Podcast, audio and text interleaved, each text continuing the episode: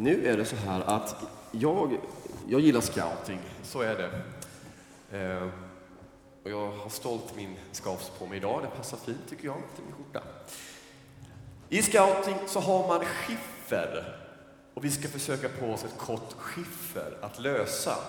Det kommer inte bli enkelt för er som sitter och tror att ni kan det här med scouting och sådär, va? ni som varit med ett tag, pingviner och så. Vi får bita tag lite här, men, men vi gör ett bra försök. Jag har några ord, bokstäver. Den första, se om någon tar det här skiffret på en gång, jag vet inte. Vad det kan stå för ord här, vad det här ordet betyder. Skiffer har man inte bara i scouting, tycker jag, det har man i livet. Eh, vi vuxna kallar det för livspussel. Att få ihop allting, att det ska stämma, att man ska kunna hinna skjutsa och lämna på scouterna till exempel. Nu ska vi se, ett I, ett X och ett... Vad var det?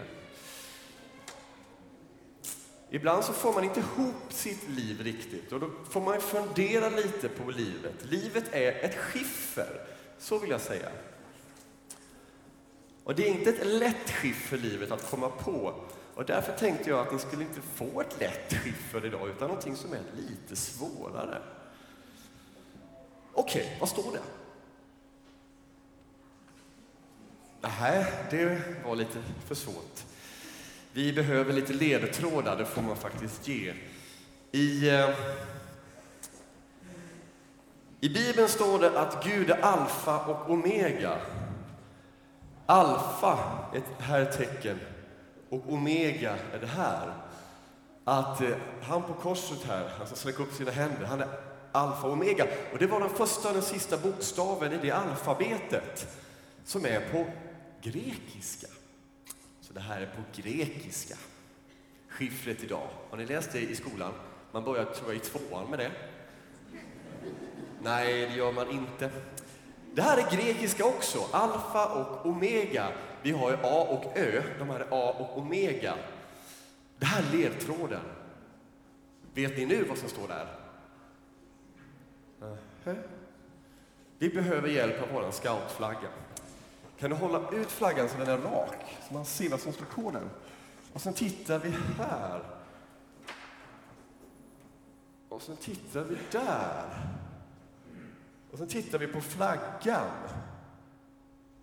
Är det någon som tror sig veta vad som står där? Vad är det här? Vad är det här? Och vad är det här? Ekumeniaflaggan, det är rätt. Men vad är det här för symboler?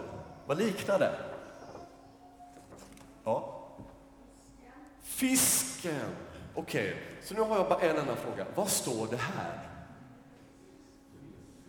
Fisk. På grekiska. Ni löste det, ni knäckte skiffret. Det står alltså fisk på grekiska. Men varför har man en fisk på en flagga? Tycker vi om fisk i scouter lite extra mycket? Ja, vi gör faktiskt ett god lax så här över elden. Det brukar vara väldigt gott att göra till exempel. Men varför finns det på flagga? Jo, det här är en berättelse. Där Jesus hade dött uppstått och eh, sen steg upp till himlen så gick de kristna runt, men då var de lite, det var lite farligt då. Det var inte alla som tyckte om kristna. Så eh, de kom på ett, en hemlig kod. När de möttes, två stycken som var kristna, som, som eh, trodde på, på, på Gud, då ritade den ena en halvcirkel med foten. Och om den andra då också var en kristen, så gjorde den likadant fast åt andra hållet. Så att det blev, ja vi ser den en fisk, för fisken är en båge där och en båge där, så gjorde de en fisk på marken. Men det förstår man fortfarande inte. Varför ska kristna gå runt och rita fiskar på marken? Det här ordet, fisk på grekiska, avslöjar precis vad det handlar om. Därför att de här bokstäverna, i ett, det står för Jesus. Och det låter som Jesus. Exet här, det är snart jul. Och på engelska heter det Christmas. Xmas. Kristus. Xet står för Kristus. Initialer, det är din, ditt namn, ditt förnamn och ditt efternamn. Jag har initialerna J och O. Han, där, han har initialerna I och X på grekiska. Och så fortsätter det här O som är här, omega, en stor rund ring. Det brukar stå för Gud, Teo. Och Y här, det hittade jag inte på något sätt. Det står på grekiska eh, ordet för Eos, som betyder son. Han var Guds son. Och sigma heter det här konstiga tecknet.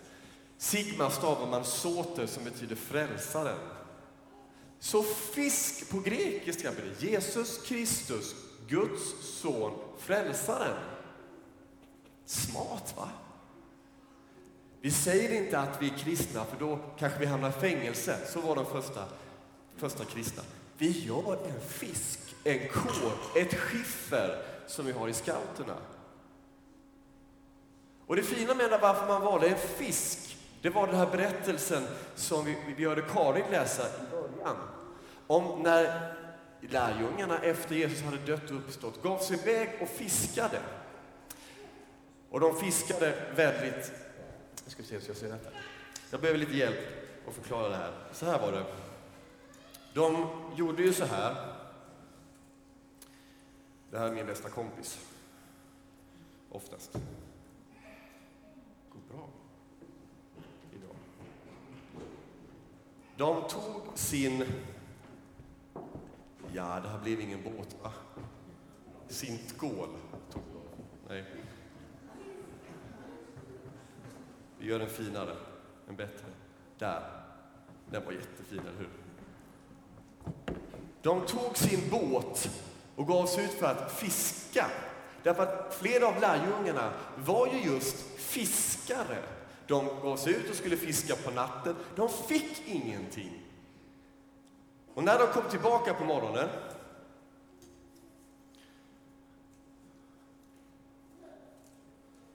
så stod det en person inne vid stranden och viftade. Hej, har ni fått någon fisk? Nej, det har vi inte.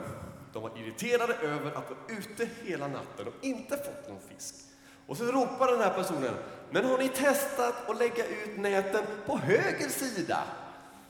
Hmm, fattar du väl att vi har, vi har ju kämpat hela natten.